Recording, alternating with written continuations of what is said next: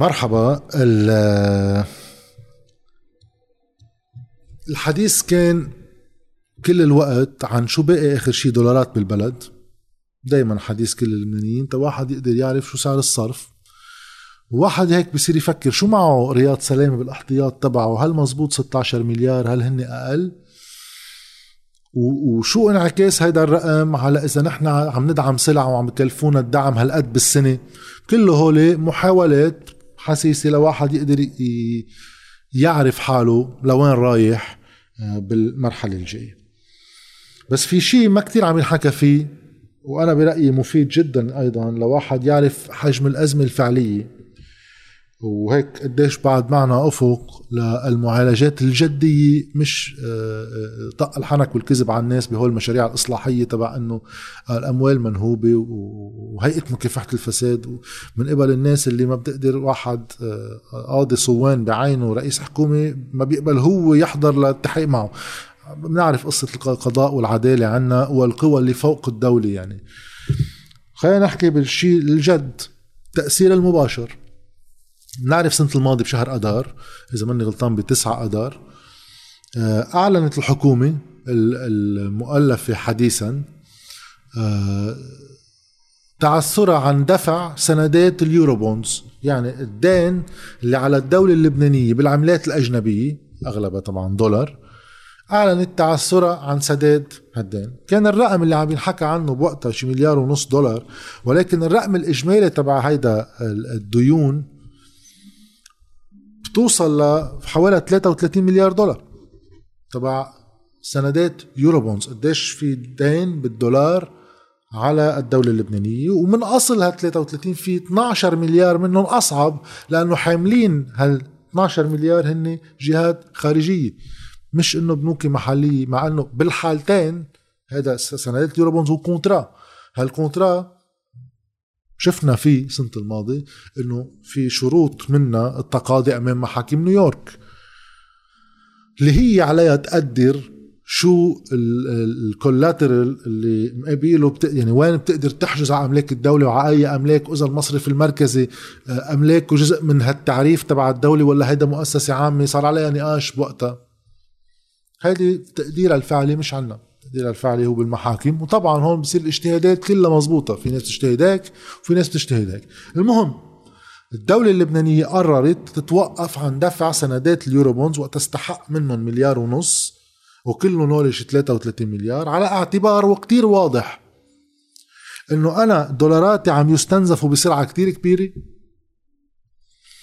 كيف أنا بقدر برر وقت المصارف حاجزة على دولارات الناس وبددتها هي مع المصرف المركزي مع الحكم آخر 30 سنة. بددوا هالدولارات فقدوا هالدولارات وباقي عنا شوي بهالأحتياطي. اصرفوا وادفعوا لحاملي السندات اللي هن أصحاب مصارف داخلية وخارجية ومؤسسات مالية وأفراد. بوقت أنا ما عم بدفع للناس ال 200 دولار أما ال 2000 دولار أما ال 10000 دولار بحساباتهم. فاستنزاف هالدولارات من دون أفق ما له طعم. فأخذوا قرار بالتعسر اللي أنا برأيي قرار صحيح مشكلته إنه جاي من دون ما يكون جاي هالحكومة اللي ألفوها بوقتها ومشان هيك أنا كنت من الأساس عم بكون ضدها وفي ناس انتقدوني بوقتها لأنه بكل بساطة جاي بلا خطة. عندها إجراءات بدها تاخذهم بمدة زمنية كتير سريعة. كيف بدها تتعامل معهم إذا ما عندها خطة؟ بالارتجال. الارتجال أدى أنه ياخذوا خيار نظريا منيح بالتوقف عن الدفع لأنه ما معكم دولارات عم تصرفون ليش؟ ولمين طيب يعني أنتم إذا ما معكم دولارات عم تصرفون هيك شو بتكونوا عم تاخذوا قرار؟ عم بتفضلوا بهالدولارات الباقية عندكم جماعة البنوكي والمليارات على الناس ما معها تاكل. أكيد خيار مجرم كان بيكون. ولكن كان لازم يكون في حكومة عندها خطة تتعرف كيف تتصرف لأنه التوقف عن الدفع هو تعريض الدولة لدعاوى بحاجة لخطة اقتصادية فورية على أساسها بتتفاوض مع حاملي السندات المحليين والخارجيين وعلى أساسها بتقدر تبلش بدء تعافي مسار التعافي لتعرف أنت شو قادر تحكي مع هو وشو قادر تحكي مع الناس. قانون ال capital control والقصص التقنية الثانية اللي معها اللي آه، ما في صح وغلط فيها إلا إذا بنشوفها من ضمن إطار الخطة. يعني ال haircut وقديش ال haircut وعمين ال haircut bail in ولا bail out هول اللي بتصور انطوش راسنا سنة الماضي بكمية النظريات هيك ولا هيك. واللي هو ما في نظرية صح وغلط إلا بحسب شو جاي تعمل. ساعتها في يقبل الهيركت وفي ما يقبلها لو كان بنفس النسبة. إذا حاططها بهيك خطة ولا بهيك خطة. وعمين هون كانت الإشكالية. مش مثل ما طبعا جماعة البنوك وكذا صوروا لنا إنه الإشكالية إنه قال نزعت. هيدا هيدا الخيار هو سبب الانهيار. قال آه، نزع ثقة الثقه الدولية بالدولة اللبنانية وبطل حدا يقرض هالدولة يعطيها قروض جديدة تتدين. على أساس إنه هو كان في شي حدا بهالعالم كله عم يعطيها دولار لهالدولة اللبنانية من سنين. مش إنه هلأ على القليلة آخر خمس سنين قبل التعثر. لك ما هو مؤتمر سادر انعمل بإطار إنه مؤتمر دولي لنعطيكم مصاري لمشاريع مش دين للخزينة إنه خذوا هاي مليار دولار صرفوها في عندكم مشروع أنا بمول مشروع بس بدكم تعملوا شروط لأعطيكم إياه. ليكوا وين كان وضع الدولة ب 2018 هن نفسهم هول البنوك اللي بخبرونا هالخبرية تيشيلوا المسؤولية عن حالهم. وكيف وظفوا مصريات الناس وكيف كانوا شراكة مع السلطة السياسية لإفلاس الدولة وتمويل الفساد على 30 سنة. هن كانوا مش عم بيدينوا الدولة إنه أكثر من خمس سنين. كان ما في إلا مصرف لبنان عم بدين الدولة اللبنانية. فقط لا غير مصرف المركزي. هون هذا الشيء اللي عم ينحكى عنه. رح فوت على مصرف المركزي ورقم بتصور مهم وبفرجينا هالأزمة حجمها الفعلي. طيب لكن نحن عندنا بعد 16 مليار نظريا باحتياطات المصرف المركزي. نحن متوقفين عن دفع سندات ال Eurobonds بدنا ندفعهم بيستهلكوا هال 16 مليار بأسرع وقت ممكن لأنه نعرف علينا هال 33 مليار بتتقسم على دفعة دفعتين ثلاثة كل سنة. شيء ب 500 مليون وشيء بمليار ونص وشيء ب 2 مليار ونص. في دفعات دائمة. تما نستنزف هالأحتياط ونقدر ندير الأزمة. وقفنا دفع سندات اليورو بونز. قلنا لجماعة البنوك اللي مدينين الدولة الخارجيين والمحليين والأفراد إنه خيي بالأولوية أنتم مش قادر أدفع لكم. طيب. حد هذا الشيء؟ قلنا إنه المصرف المركزي كان الوحيد اللي عم يدين الدولة. من وين كان عم يدين الدولة؟ هون تشوفوا المصارف وتقولوا إنه نحن ما بندين الدولة نسبتنا من الدين العام أقل بكثير من الناس مفكره مشان هيك؟ نحن مش نحن اللي مولنا الفساد. فتشوفوا إنه المصارف المصرف المركزي والسلطة الحاكمة هو كليك واحد كلاب واحد. هلأ بلشوا يقبروا ببعض لوقعت البقرة. شو كانت الآلية المعتمدة؟ ما حدا الدولة بتقوم بتطرح سندات خزينة. أنا بدي أتدين. بتحط مثلا بدي أتدين مبلغ مليار دولار وبدي أعطي عليه 7% فايدة. بما إنه بالعالم كله ما حدا بدين دولة حجم دينها هالقد وحجم فسادها هالقد صار كله محلي. بيجوا هول المصارف اللي عندنا بيطلعوا بالرقم 7% ليش بدي دين 7% قاعد عم وزع قروض شمال يمين أنا ب 8 و9% و10% يروحوا ينقبروا شو صاير علي أنا. خيار تجاري. والدولة إذا بدها تبلش تعلي فوائدها ببلش سرعة الدين تعلى أكثر إذا على كل على كل مبلغ بدها تحط 10 و12% بصير الدين يتنامى بشكل كتير كبير. مش قادرة تعلي الدين بس بدها المصريات. ما حدا بده يعلن إنه عنده أزمة هيك لنعالجه. لا بدنا نمط الأزمة بدنا ندين أكثر شو بنعمل؟ بيجي المصرف المركزي هيدي القروض تبع الدولة بسموها سندات خزينة. أما يورو بونز إذا كانت بالدولارات. طيب. بيجي المصرف المركزي السندات الخزينة اللي ما حدا عم بيجي يشتريها يعني يدين الدولة بيجي بيقول طيب ليكو شو رح أعمل؟ يا بنوكي أنتم عم تقولوا ما بدكم تدينوا الدولة لأن 7% مثلا مش كافيتكم تعالوا في شيء مثل سند الخزينة تماما بس بالبنك المركزي بيصير اسمه شهادات إيداع. شهادات إيداع. بتشتروها أنتم كأنه عم تحطوا قرض. يعني أنا عم بقترض منكم. بتشتروها من عندي وأنا بعطيكم على المبلغ نفسه 9% بتشتروها ولا لا؟ يجوا كلهم يشتروها. يصير في اسمه شيء اسمه شهادات إيداع. يحمل حاله مصرف المركزي أنه كلهم شراكة. يجيب هالمصريات اللي حطهم اللي هو اقترضهم من المصارف ب 9% ويعطيهم للدولة ب 7% ويحمل الفرق الخسارة 2% هيك بيكونوا مبسوطين جماعة البنوكي مبسوطين جماعة السلطة وكلهم عارفين إنه هالمصريات هيك عم يستعملوا. ما حدا مخشوش إذا وقت واحد يقول إنه الدين العام مقسوم بين المصارف والمصرف المركزي على رأسنا وعيننا. بس ما كلهم عارفين اللعبة وعارفين إنه هالأموال عم تروح ل إما تمويل الاستيراد يعني سعر ال 1005 بدك تأمن دائما دولارات لتضلك مأمن سعر ال 1005 إما تمويل الدولة. عظيم. هلأ مقابل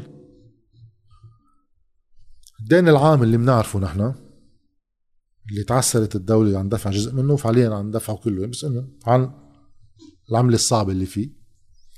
في لكن دين تاني ما حدا عم يحكي فيه هو على المصرف المركزي وعليه فوايد وعليه استحقاقات تماما مثل الدين العام. لا تعرفوا بس شغلة سنة 2020 هلا اللي قطعت المصرف المركزي كان عليه دفع شهادات إيداع دفع يعني استحقوا 592 مليون دولار. هلا السنة في بريك سنة 2021 ما فيها ضغط لأنه يعني في 40 مليون دولار بس على المصرف المركزي يدفعوا. سنة 2022 وبالرايح شوفوا شو رح يصير في ضغط على المصرف المركزي